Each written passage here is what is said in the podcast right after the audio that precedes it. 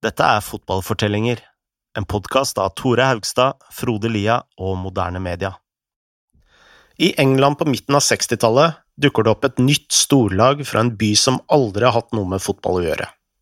Med sultne unggutter, robuste skotter og en slu trener i Don Reevy skal Leeds bli det beste laget i England de neste ti årene. Samtidig er lagets metoder så voldelige og kyniske at de får rykte som et av de skitneste lagene England har sett. Dette er historien om legendene til Leeds United, et lag alle i England elsket å hate.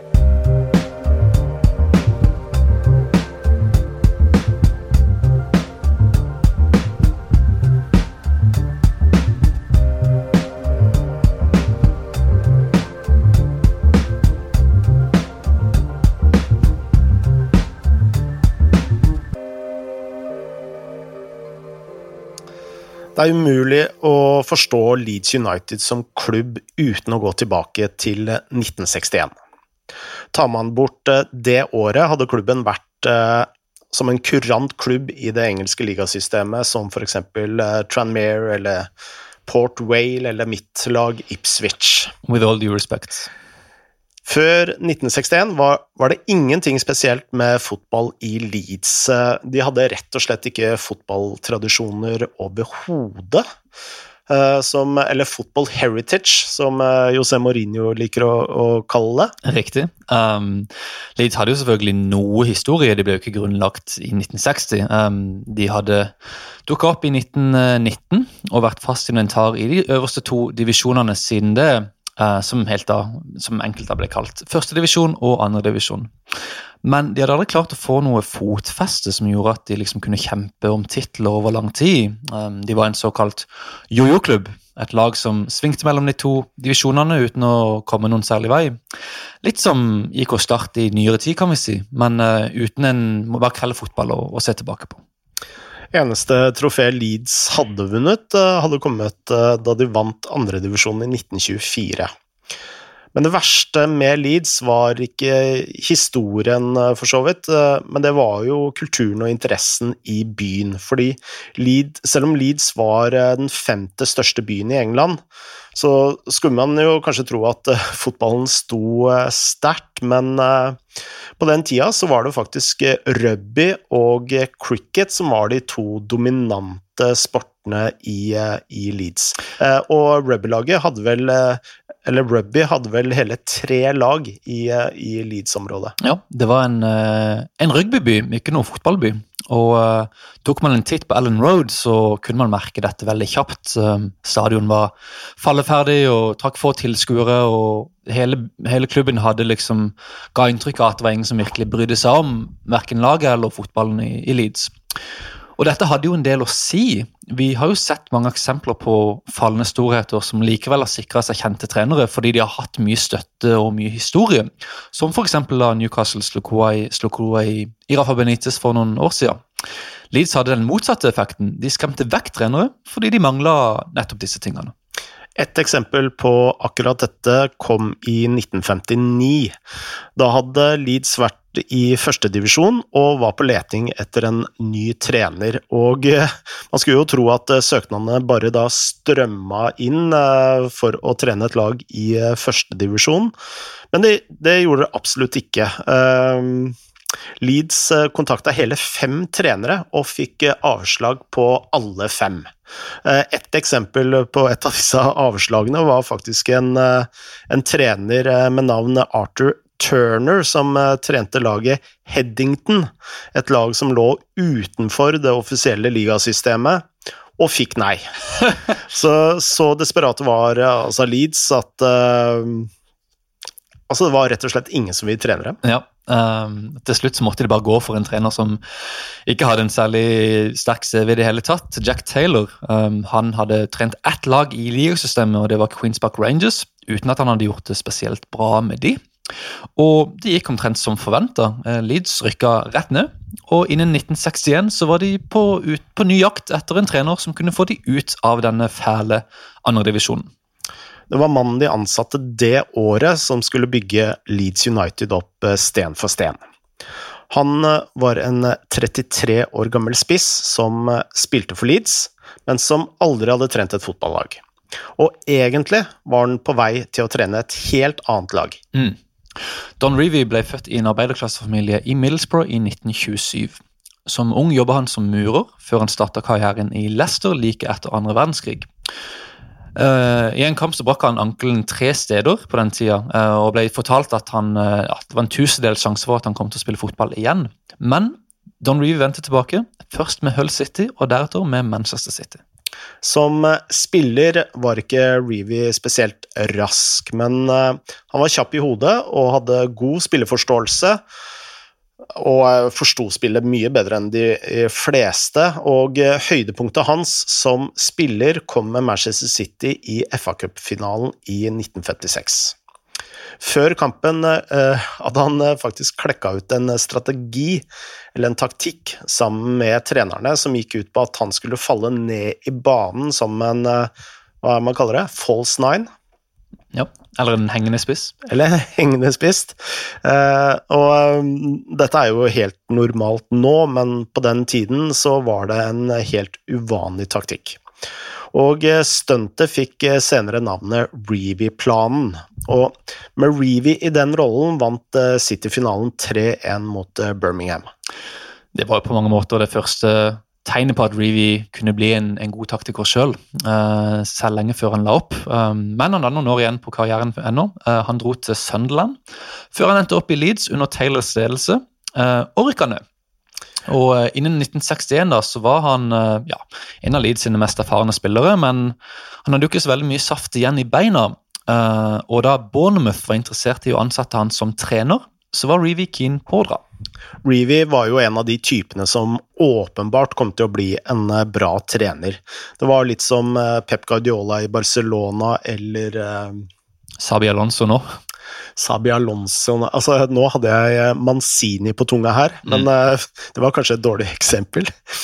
Um, men du ser liksom at de tenker, og de er smartspillere, og absolutt. ofte litt treige, som å kompensere med å være ja, kjappe i hodet og litt sånn slurt strategiske for for å overleve på banen. I tillegg til eh, lederegenskapene, da. Mm.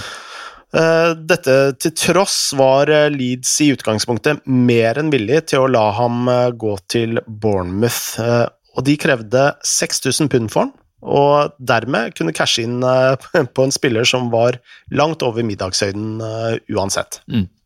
Det er litt usikkert hva som skjedde videre her.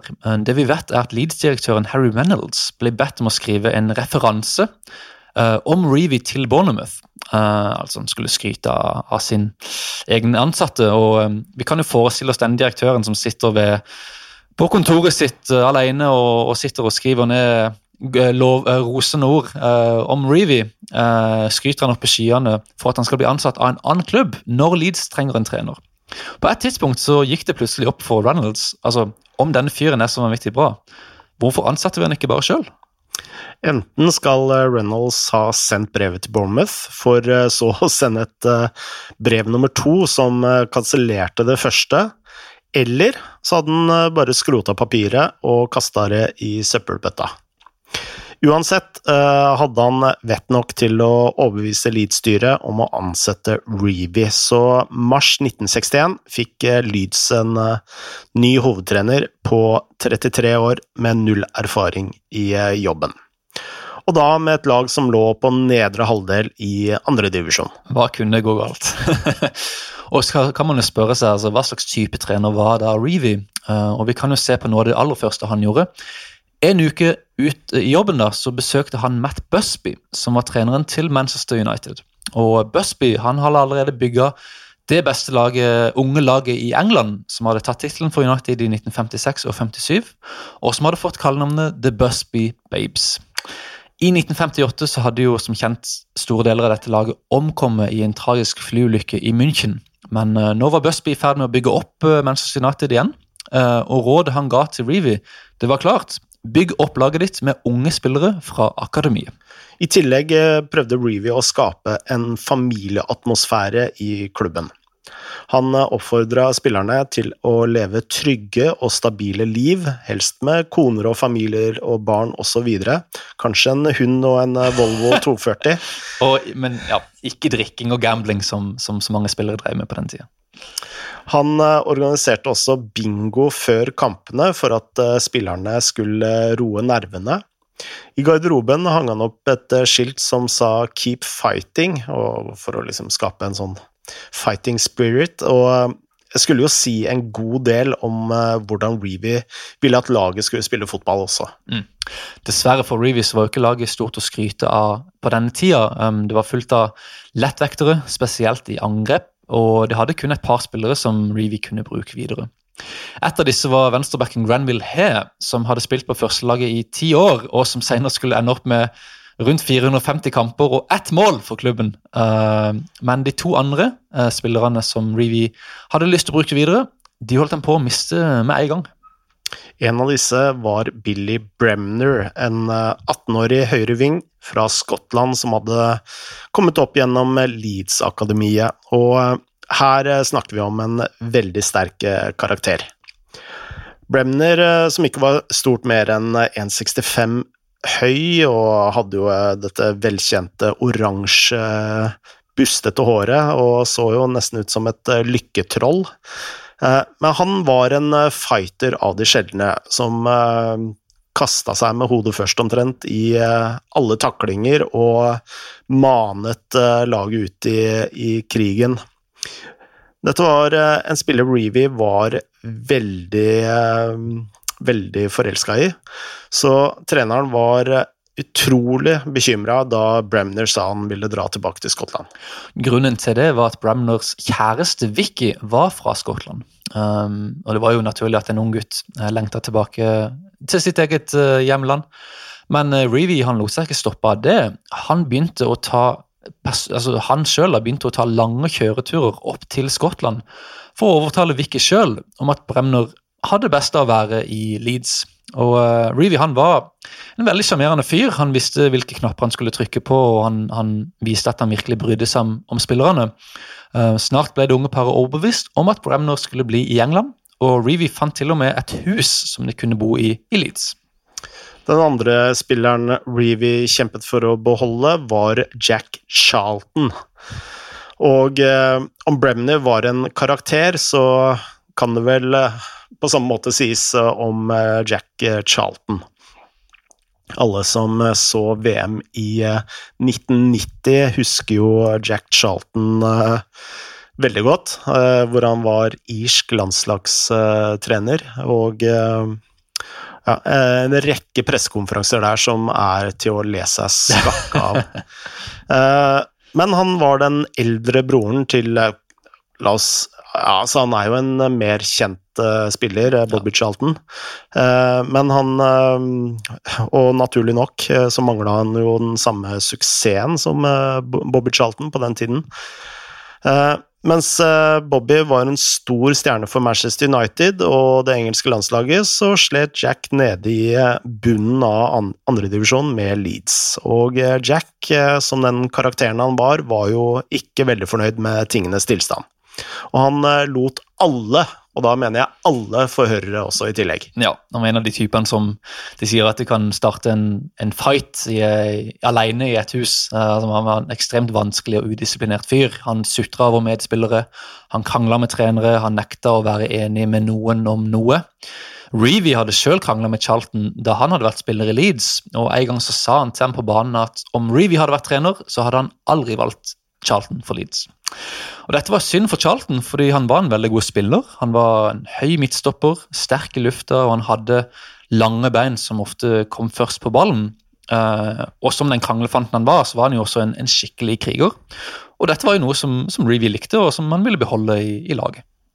Nå gjorde Charlton seg så vanskelig som mulig for å tvinge gjennom en overgang til en større klubb. Han uh, minner litt om Paul Pogba uh, når jeg leser om alle, alle, metodene hans. Bare litt mer direkte i, i stilen? I, I, stilen, ja, og ikke en agent som må snakke for seg. Men Og han var jo nær ved å gå til Manchester United, men Matt Busby trakk seg i siste sekund. Og dermed ble Charlton i Leeds ut sesongen, uten å se særlig mange grunner til å bli værende.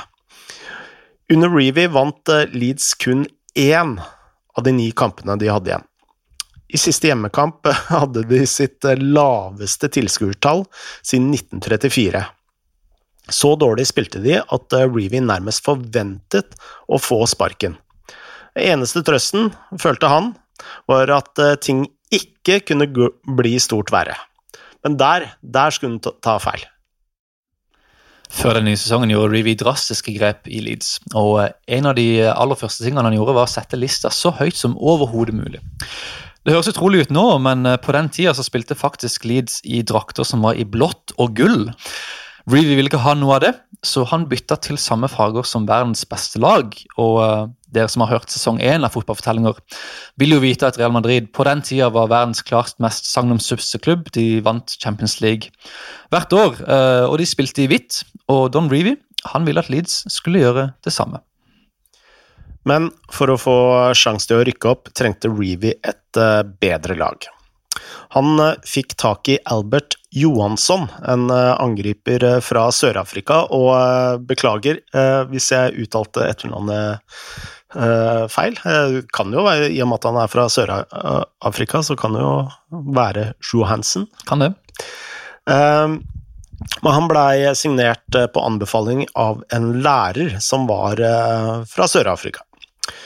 Reevy hadde sørget for at Bremner ble, men Charlton ville fortsatt bort. Delvis fordi stemningen i klubben var så laber, men på et eller annet tidspunkt så endret Reevy på treningsregimet. Ja, noe måtte han jo gjøre for å få gi gjengen en spark bak. Så i stedet for å drive med disse kjedelige fysiske øvelsene og løping og vekttrening og sånn, så la Reevy opp til en intern konkurranse hvor stallen ble, ble, delt opp i fire lag. I to uker konkurrerte de i alt fra langrenn til sprint til cricket og golf, og vinnerne fikk premier. Uh, spillerne ga jernet, moralen økte, og Jack Charlton elska dette opplegget. Endelig var det moro å være Leeds-spiller igjen, og Charlton, Charlton sørga selvfølgelig for at hans lag vant konkurransen. Ingen, innen sesongen starta, så hadde Charlton bestemt seg for å bli på Allen Road. Reevy gjorde lite på overgangsmarkedet den sommeren. Han ville gi stallen en sjanse til å vise seg frem, og det var jo like greit, for i den klubbkassa der var det ikke mye penger å hente uansett. Før første kamp samlet han alle spillerne til en fest i en restaurant, hvor han også inviterte direktører, støtteapparat og spillernes familier. Der ba han alle, og da selv konene, til å bidra til at Leeds rykka opp det året. Dessverre for Reevy ga ikke dette noen umiddelbare resultater. I den tredje kampen ble Leeds knust 5-0 av Liverpool, som da var i andredivisjon, men som hadde hatt to år under en skotsk trener ved navn Bill Shankly. Leeds ble egentlig bare verre og verre, og Reevy ble etter hvert så desperat at altså, han så rundt seg i garderoben og tenkte her er det ingen som duger. Jeg må spille meg sjøl. Så han valgte seg sjøl i en alder av 34 år på topp, og det hjalp heller ikke. Snart falt tilskuertallet til under 10 000 på Ellen Road. Og dette var kritisk, for på den tiden var det ikke sånn at man, man levde av TV-rettigheter, gambling-sponsorer fra Asia, eller draktsalg fra Asia, fra den, den saks skyld. Det var billettsalg som sto for nesten alle inntektene, og uten publikum var det heller ikke penger som kom inn i kassa. Så alvorlig var situasjonen den sesongen at Leeds faktisk sleit med å overleve økonomisk. De måtte rekke ut hånda til lokale forretningsmenn og, og rikmenn egentlig, som, som håpa at de kunne generere litt sympati for klubben. og Til slutt så var de heldige som fikk to lån på 10 000 pund hver, som redda klubben. I desember fikk de også en ny styreformann, og det var vår gode venn Harry Reynolds, som hadde skrevet brevet eh, til Reevy eh, til Bournemouth. Han var enig med Reevy i at de burde satse på spillere fra akademiet, men uh, altså, disse tingene er jo lett å si når ting går bra og du har litt tid på det. Uh, innen februar så lå Leeds i bunnen av divisjonen med trusselen om nedrykk til tredjedivisjon. Og nå var plutselig Reynolds så desperat at han bare reiv i stykker den planen om, om en gyllen fremtid og unggutter fra akademiet. Han ga Reeve 55 000 pund til å kjøpe nye spillere. De måtte ha resultater, og de måtte ha det kjapt. Reevy hentet eh, tre spillere. Den eh, viktigste av de tre var eh, Bobby Collins, en midtbanespiller fra Glasgow som var rundt 1,60 høy. Altså, det høres ikke så veldig høyt ut, dette laget. Nei. Altså, mange 1,60 går igjen. Ja. Eh, han hadde egentlig spilt i en langt større klubb, nemlig Everton, for eh, så å få høre at eh, de ønska ham bort. En dag da han kom hjem fra trening, sto nemlig Reevy og Reynolds utenfor døra og ventet på ham. De overtalte ham til å komme til Leeds og Ellen Road. Reevy var, veldig, var veldig flink på det her. Han, var liksom, han dukka opp i person og sendte liksom ikke en sånn representant ut for å overtale spillerne. Sant? Han kjørte på kryss tvers til Skottland og til Wales og hvor enn det var for å, for å godsnakke sjøl og prøve å få spillere til å komme. og På den måten så klarte han å få slå kloa i spillere som han egentlig ikke burde ha sjanse på. Uh, og Collins han var en, en virkelig god spiller. Uh, litt til felles med Bremner, bare at han var langt mer rutinert. Han hadde fylt 30 år. Ekstremt aggressiv, uh, veldig konfronterende, selv mot sine egne lagkamerater. og Når du leser om han, så høres det litt ut som en sånn Roy Keane-type. da. veldig tøff og kravstor leder som har null toleranse for latskap. og I Leeds så var jo Collins ekstra motivert. Han skulle vise at Everton hadde gjort en stor feil ved å akseptere budet på han. Collins eh, ble umiddelbart en av lederne på laget. Snart gikk eh, Leeds åtte kamper uten tap, og til slutt eh, klarte de å unngå nedrykk med tre poengs margin. Det var en enorm lettelse å beholde plassen, men samtidig var ikke dette sesongen Reevy hadde håpet på. Både han, styret, ville rykke opp, og det fort. Det skulle føre til et sjansespill som truet med å legge hele klubben i grus.